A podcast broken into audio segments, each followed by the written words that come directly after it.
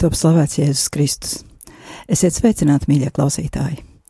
Klāt 28. maija, laiks ir aizlidojis vējas pārniem, un šovakar skanēs šīs sezonas noslēdzošais raidījums Vairāk tevis manī. Studijā kā vienmēr es, Sandra Preisa. Ar 1. jūniju rādījumu arī Latvija pāries uz vasaras darba režīmu. Raidījumu vadītāji dosies uzkrāt spēkus un vākt materiālus nākamās sezonas raidījumiem, bet ēterā skanēs šīs sezonas raidījumu atkārtojumi. Lūkšanas gan pārsvarā būs tiešajā ēterā, un laipni aicinām pieteikties jaunus brīvprātīgos vismaz uz vasaras sezonu, lai būtu kas lūdzas tiešajā ēterā, kad citi brīvprātīgie, kas nostrādājuši sezonu, eh, atpūšas un mazliet atgūst spēkus pēc kalpojuma. Atgādinu eh, raidījuma kontaktus.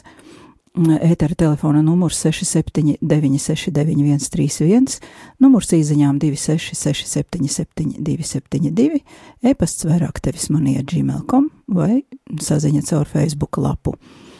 Un tā tad pēc šā raidījuma nākamais tiešajā ēterā būs jau septembrī. Šodien turpināsim tēmu par narcisiem, bet eh, kā izskatās, tas nebūs pēdējais raidījums par šo tēmu, jo informācijas ir ļoti daudz un nezināšana var nest ļoti smagas sekas visās mūsu dzīves sfērās. Tā var skart gan mūsu lūkšanu dzīvi un attiecības ar Dievu, gan attiecības ar citiem cilvēkiem, gan mūsu psihisko un fizisko veselību, gan arī ietekmēt mūsu darba spējas un dzīves materiālo kvalitāti. Tāpēc noteikti lētāk ir veikt labu profilaksi nekā dārgi maksāt par savu nezināšanu. Bet tagad lūksimies paši par sevi un par šī vakara raidījumu. Dieva tēva un dēla un svētā gara vārdā Āmen.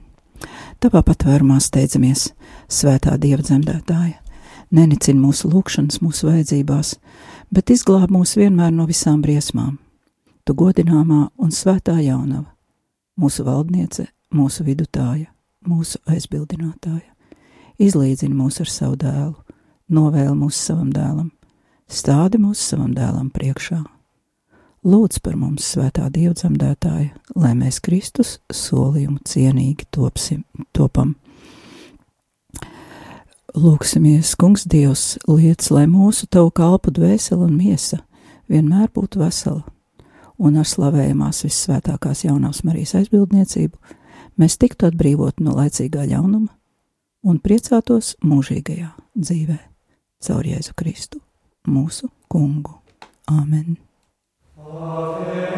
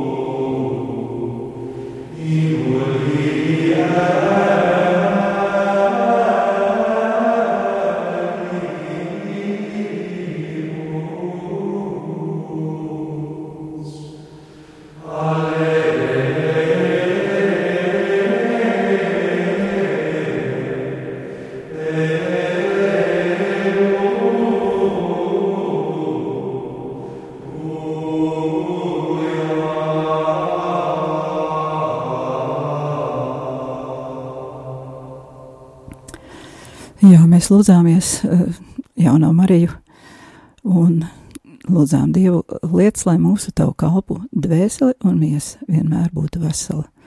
Jā, un šie raidījumi ir tieši par to. Tautā ir tāds labs teiciens, sargi sevi pats, un tad Dievs tevi sargās. Nu, nezinu, ko ir domājis tas, kas to teicienu izgudroja, bet, nu, mūsu kristiešu nozīmē tas noteikti nenozīmē, ka mums viss jādara saviem spēkiem, bet gan to, ka mums ir jāsadarbojas ar Dievu. Jo ko dod, ka Dievs visiem spēkiem cenšas mūs nosargāt, ja mēs paši esam neapdomīgi vai vienkārši muļķi. ir grūtības, kuras mums patiešām pieļauj Dievs mūsu garīgai izaugsmai, taču bieži vien ir tā, ka mēs paši padarām smagāku gan savu, gan citu cilvēku krustu savas nezināšanas dēļ vai, jā, muļķības dēļ. Ja uzticamies Akvīnas Toma teiktajam, kur citātu mēs esam jau daudzkārt pieminējuši, tad arī jebkura grēka pamatā ir muļķība, nespēja izvēlēties labumu un nespēja gudri pārvaldīt savas domas un savu rīcību. Pēdējos piecus raidījumus no dažādiem aspektiem apskatījām šo smago tēmu, ko nozīmē slimīga sevis mīlēšana, ko sarunu valodā mēdz dēvēt arī par patmīlību, ko tūkstnešu tēva grieķu valodā sauc par filautiju, psihologi devuši nosaukumu narcisms, jeb narcisms, bet pāvests Francisks dēvē par korupciju jeb samaitātību. Noskaidrojām arī, ka šī samaitātība izplatās kā puve un var smagi skart cilvēkus, kuri paši nepiedar pie šiem samaitātajiem. Pagājušajā raidījumā runājām par to, ka situācijās, kur ir notikusi psiholoģiska vai morāla vardarbība, nedara padomi, kurus sniedzam vai saņemam ikdienas situācijās, kurās nav darīšana ar samaitātiem vai pat psihiski slimiem cilvēkiem. Šovakar nedaudz medicīnas un paskatīsimies, kā atšķiras terminoloģija kas ir ļoti svarīgi, jo ir grūti saprasties, ja mēs visi lietojam vienu un to pašu vārdu, bet saprotam, šo vārdu pavisam atšķirīgi piešķiram tam dažādas nozīmes. Vispirms paskatīsimies, ko īsti runājot par narcisismu būtu jāsaprot ar vārdu upuris. Iepriekšējos raidījumos šo vārdu pētījām no Bībeles vēstures viedokļa un secinājām, ka ir bijuši dažādi upuru veidi, kuri tika pienesti dievam. Upuris kā pateicība, jeb ebreju valodā toda, par kāda žēlastības saņemšanu, svinīgā solījuma upuris, jeb ebreju valodā neder, Eh, kad cilvēks ir salicis solījumu kādā speciālā nodomā, Dievs to ir izpildījis un cilvēks viņam pateicis. Eh, tad eh, labprātīgs upuris, jeb ebreju valodā nedaba, bez jebkāda speciāla iemesla vienkārši vēlme slavēt Dievu un viņam pateikties. Tāpat mēs runājam ļoti daudz arī par Kristus upuri, un te, nu, var sākties nopietnas izpratnes problēmas, kuras var radīt arī ļoti nevēlams herēzes. Problēma ir tāda, ka latviešu valodā lieto vienu vārdu upuris, gan runājot par labprātīgu dāvināšanu, līdz pat sevis ziedošanai mīlestības vārdā, kā to darīja Kristus, gan arī par varmācības vai noziegumu gadījumu upuriem, kad cilvēkiem tiek nodarīts ļaunums pret viņu pašu gribu un pretēji viņu aicinājumam un misijai. Cilvēka misija nevar būt bezjēdzīgas mocības un bezjēdzīga nāve, jo Dievs nav sadists. Ebreju, grieķu un pat angļu valodā tiek lietoti vairāk atšķirīgi vārdi. Piemēram, ebrejiski mēs jau dzirdējām, bet angļu valodā saka peace offerings, ja runā par šo miera, jeb pateicības upuri. Tātad vārds uh, ofer attiecībā uz Kristus upuri arī tiek lietots šis vārds, arī ofer un sacrifice. Uh, bet runājot par varmācības upuriem, angļu valodā tiek lietots vārds victim. Eh, šāds vārdu lietojums mums ļauj labāk izprast konkrētā upura būtību, kamēr latviski viss sajūg vienā putrā. Varbūt tāpēc arī garīgās dzīves jomā tiek vai nu doti nepareizi padomi, vai arī pareizi padomi tiek nepareizi saprasti. Tas noteikti ir izdevīgi varmākām un kristietības ienaidniekiem, jo tādā veidā var devalvēt Kristus upurvērtību, iztēlojot viņu kā vārguli vai kā mazohistu, un arī sadistiem tas varētu labi patikt, jo tas dod brīvas rokas mocīt kristiešus, pie tā visa vēl liekulīgi piesaucot Kristus ciešanas un pārmetot kristietim, kāpēc gan tu negribi ciest tā, kā cieta tavs Kristus. Šeit ir ļoti smalka robeža, kuru ir viegli pārkāpt, un no augsta garīguma pārvelties psihisku patoloģiju lauciņā. Būsim ļoti, ļoti uzmanīgi ar šā vārda lietojumu latviešu valodā. Kristus nebija mazohists, viņš nemeklēja ciešanas un nejuta baudu no ciešanām. Viņš labprātīgi deva sevi izpildot savu misiju, un arī aicina mūs, ne, mūs nest krustu, bet savu krustu, nevis viņa krustu, savu misiju pildīt, un nevis viņa misiju. Mums ir jābūt pacietīgiem, mums ar cieņu ir jāspēj pieņemt dažādas smagas situācijas, bet mums nav jākļūst par muļķiem vai mazohistiem. Otrs vārds, e, kurš ir pilnīgi jocīgi un nesaprotami lietots gan attiecībā uz narcisistiem, gan uz samaitātajiem, ir vārds mīlestība. Jo mēs visi taču zinām pirmās, pirmās vēstules korintiešiem 13. nodaļu. Zinām, ka Dievs ir mīlestība, bet te gluži dīvainā veidā par sevis mīlestību tiek dēvēts vesels netikumu un patoloģiju kopums - izvērtība, alkatība, skopums, bezatbildība, slinkums, nežēlība, neiejūtība un tam līdzīgi. Šeit tiešām būtu lauciņš valodniekiem, teologiem un iespējams nevienai vien doktora disertācijai izpētīt, kā gan šādas pretējas nozīmes tiek ieliktas eh, ļoti līdzīgos, jeb pat vienādos vārdos. Tātad, kā narcisisma pētnieki, psihologi definē apzīmējumu upuris un kas ir, jeb ko tad nozīmē narcistiskā sindroma upuris. Tagad sekos citāts tulkojums no interneta resursa, kurā ir publicēti dažādi mediķu speciālistu rakstīti materiāli par šo fenomenu, un to raksta praktizējošs psihoterapeits. Tātad citēju. Vārds sindroms cēlies no grieķu valodas un sastāv no diviem jēdzieniem - sin, kas nozīmē kopā, un drāmein, kas nozīmē rīkoties. Tātad sindroms ir zīmju un pazīmju un simptomu kopums, kuras parasti ir vērojams visas kopā, kā piemēram psihiska, mentāla, emocionāla un garīga vardarbība narcisismu gadījumā. Vārds upuris. Upuris ir persona, kurai ir nodarīts ļaunums, kurš ir ievainots vai nogalināts krimināla sodības, sodāmas darbības rezultātā vai nelaimes gadījumā. Izmantojot šo definīciju, mēs varam šo vārdu droši attiecināt uz cilvēkiem, kuri ir pieredzējuši narcistisku vardarbību, jo viņiem ir nodarīts ļaunums, viņi ir ievainoti un zināmā mērā viņi ir pat nogalināti narcistiskās uzvedības rezultātā. Tātad pilnībā atbilst minētajai upura definīcijai. Strādājot ar personām, kurām ir vērojams narcistiskā upura sindroma pazīmes, autors saka, redzu, e, ka cilvēks ir ļoti satriekts, tik satriekts, ka pat lāgā nesaprot, kas ar viņu ir noticis. Pirms šādi cilvēki var sākt atpakaļ ceļu pie sevis. Es ticu, ka pirmais, kas būtu jādara terapeitam, kad viņš ir uzsācis terapijas procesu, uh, izglītot savu pacientu par narcistiskās uzvedības traucējumiem, kas, kad, kā un kāpēc šādus uzbrukumus veids. Lai šie cilvēki vispār sāktu apiekt realitāti un saprast, kas tad īsti ir noticis.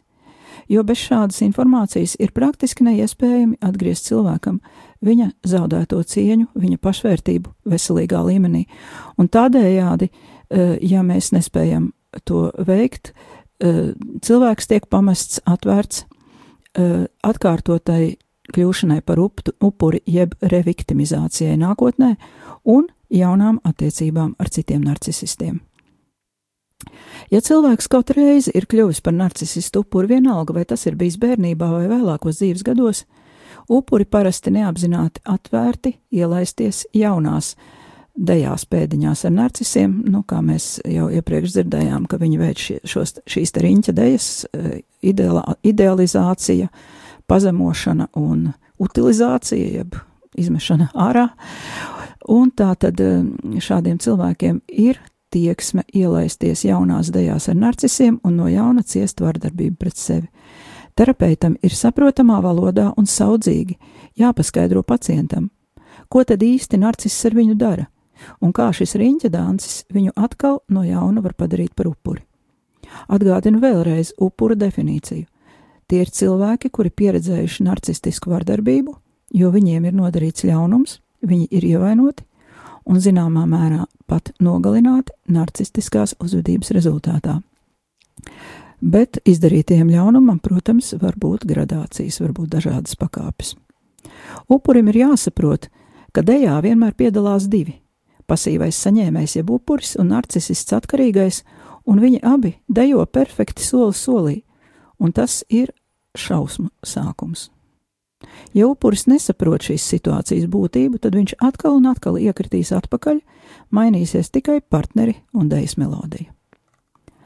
Terapeitam ir jāpaskaidro, ka narcisms ir ļoti nopietna un sarežģīta slimība, kura rada milzīgas ciešanas. Pie tam abiem - gan tam, kuram piemīt šie traucējumi, gan upurim, jo īpaši tad, ja šie cilvēki atrodas pastāvīgās attiecībās katru dienu. Kad es runāju par narcistisko vardarbību, kura noved pie narcistiskā upura sindroma izpausmēm, es runāju par ļoti lielu nežēlību, par milzīgu ļaunumu.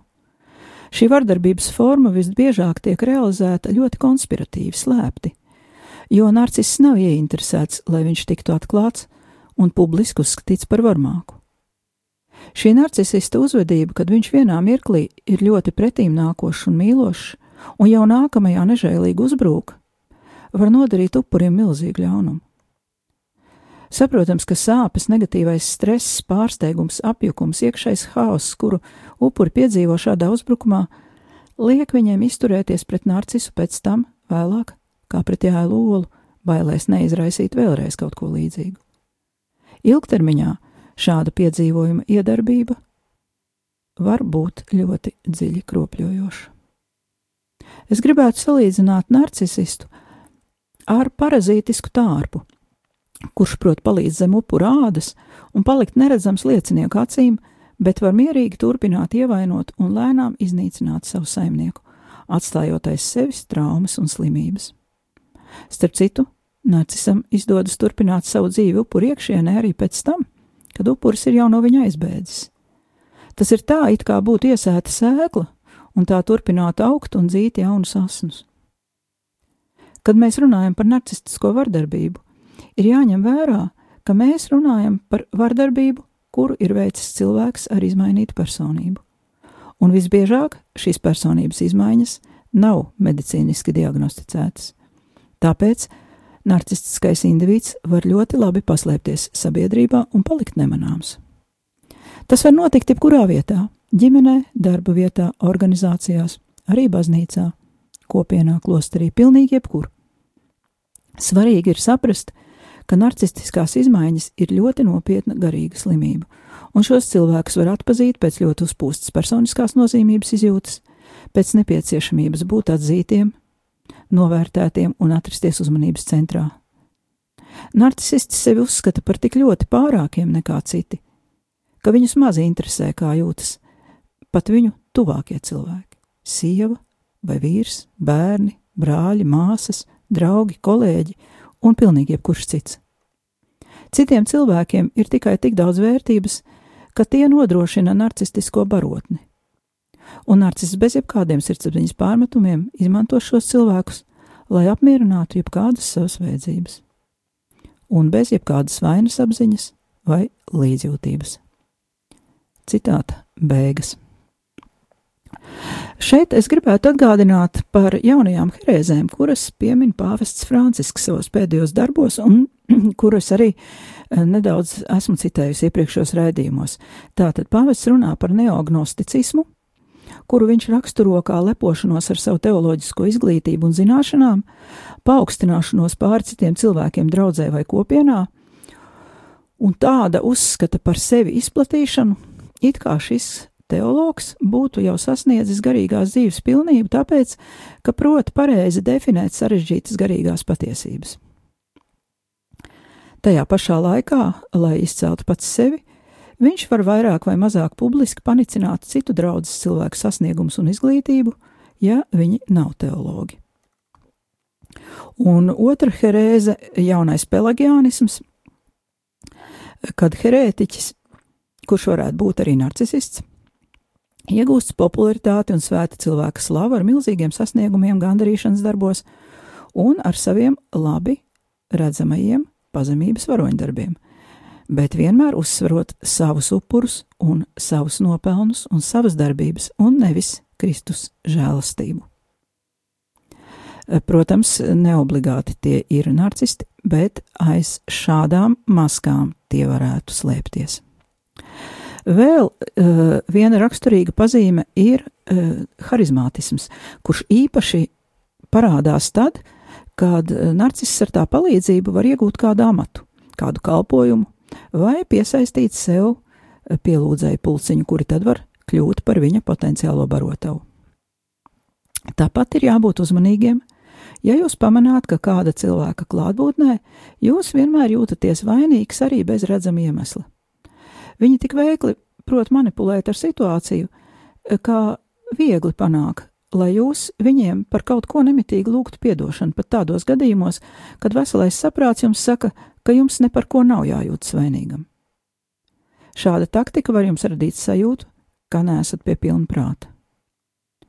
Neatkarīgi no tā, cik ilgi un kādas jums ir attiecības ar šo cilvēku, jūs visu laiku jūtaties vientuļš. Kaut kas tukšs un viegliprātīgs visu laiku būs nojaušams viņa rīcībā. Viņš nekad ne par ko nelūdz piedošanu, izņemot retus gadījumus, kad tas iedars viņa plānos, un viņš ar to kaut ko grib panākt. Viņiem patīk skaistas lietas, labi auto un jebkādi panākumi, un viņi ir skaudīgi, kad viņi redz to, kas viņiem patīk kādam citam. Viņiem ir ļoti zems emocionālais intelekts, tāpēc ir grūti dibināt dziļas attiecības un pat risināt dziļas sarunas. Viņiem ir garlaicīgi, un viņiem vienkārši nav ko teikt. Viņi ļoti labi māk tēlot upurus, šķietam apvainoties, viņi prot iežēlināt pret sevi un pulcēt ap sevi žēlotāju pulkus.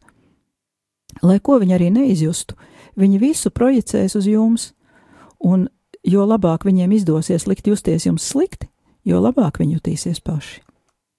Viņiem patīk, ka citi izskatās slikti jebkurā jomā, lai varētu izcelties uz viņa fona, tāpēc viņi cenšas izvilkt no otra cilvēka viņa vissliktākās īpašības, un likt šim cilvēkam publiski šīs īpašības nodemonstrēt un pašam sevi apkaunot. Ja cilvēkam patīk otru no, no, nostādīt neveiklā situācijā, un viņš to sauc par joku. Ja cilvēks saka, man patīk tevi, vai stāsta jums, kā man patīk tur kādu cilvēku kaitināt, tā tad rīkoties tā, it kā otram cilvēkam nebūtu cieņas. Ja cilvēkam ir ļoti brīvi uzskati par laulību un seksu, cilvēks, kurš saistīts ar sakramentu, var būt ļoti brīvi flirtē ar pretējo dzimumu, un viņam ir daudz pielūdzēja pēdiņās. Tādam cilvēkam varbūt patīk viegla nauda, un labākais darbs viņam liekas tāds, kur maksā par nekā nedarīšanu. Tāds cilvēks var būt ļoti tolerants nevien pret grēcinieku, bet arī pret grēku. Šādu uzskaitījumu varētu veikt vēl un vēl. Šodienai pietiks, bet no pagājušās reizes, kad mēs runājām par šiem nekam nederīgajiem padomiem, ir vēl viens piektais nederīgais padoms, kas ir ārkārtīgi mums, eh, iespējams, kristiešiem labi saprotams. Mēs dodam padomu. Ir jāiemācās uzticēties cilvēkam, kamēr vien viņš tev nav devis iemeslu par sevi šaubīties. Un ir jāuzticas, bet ir jāiemācās uzticēties ļoti lēni un pamazām soli pa solītim. Cilvēki mēdz būt dažādi, gan labi, gan ļauni. Arī bez narcisiem un psihopātiem ir vēl egocentriķi, infantīli, nenobrieduši cilvēki vai vienkārši parasti cilvēki, kuru vērtību sistēma ir tik ļoti atšķirīga no jūsējās, ka tas, kas viņiem izraisa sajūsmu, jums var būt pretīgs kamēr jūs nezināt, kas stāv jūsu priekšā. Nevajag izdarīt emocionālas investīcijas attiecībās uz šo cilvēku. Nevajag viņam pieķerties. Vajag dot laiku. Laiks parādīs. Ja jūs ar viņu kontaktēsieties, ar laiku jūs visu ieraudzīsiet, visu pamanīsiet. Ir labi atcerēties, ka patiesi labas attiecības ar otru cilvēku neprasa smagu darbu. Ja jums kļūst ļoti smagi, ja jums ir ļoti jānopūlas, lai nodibinātu attiecības ar kādu cilvēku, tad tur kaut kas nav kārtībā.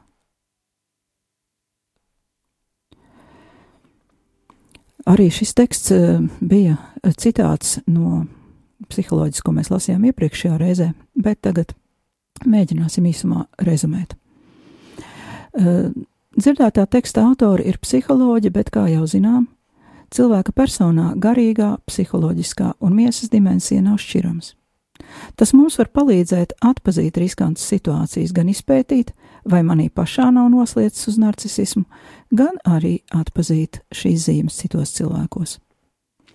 Tomēr atkal aicinu vispirms meklēt sevi, pārbaudīt sevi, un nevis citus cilvēkus, jo, diemžēl, noslēdz uz šādiem traucējumiem, kas vēl nav slimība, ir daudziem cilvēkiem, jo, kā dzirdējām, pie šādas noslēdzes piedara arī savu domu nekontrolēšana un ielaišanās mm, tādās lietās, kas jau ir grēki. E, tā kā priekšā mūs gaida garais vasaras brīvlaiks un jaunu raidījumu vairs par šo tēmu nebūs, es ieteiktu izmantot iegūto informāciju pirmkārt sevis iepazīšanai.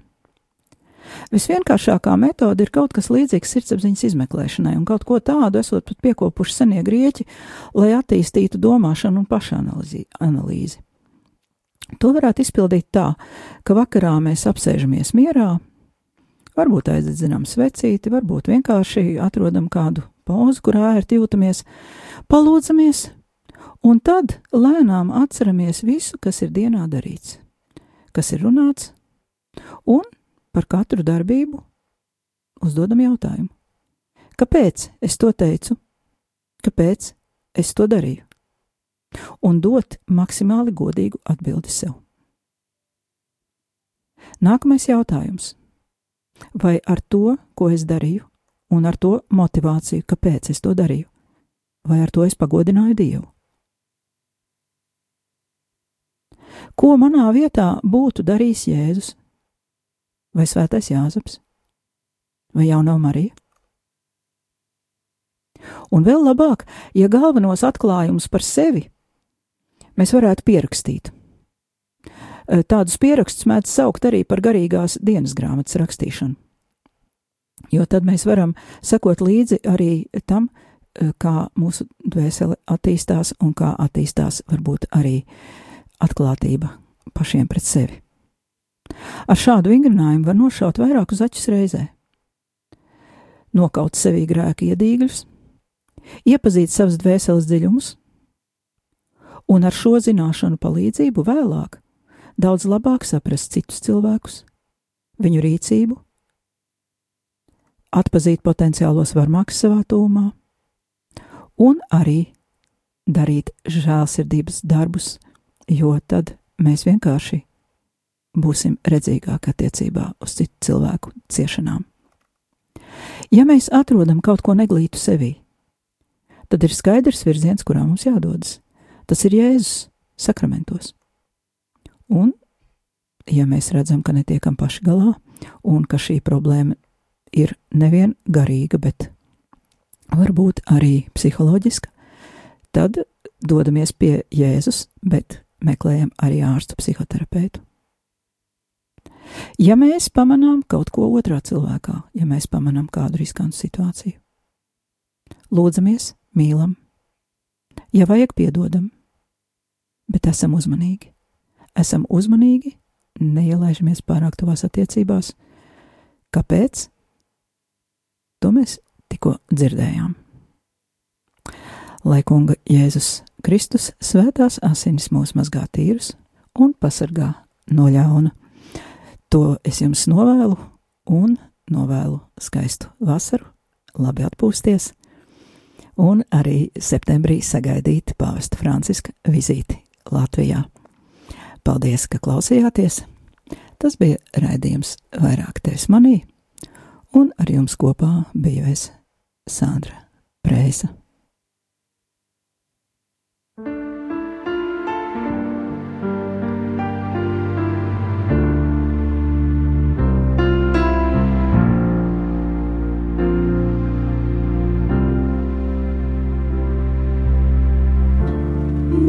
Mīlestības vēl spēkā, vairāk te tevis mani.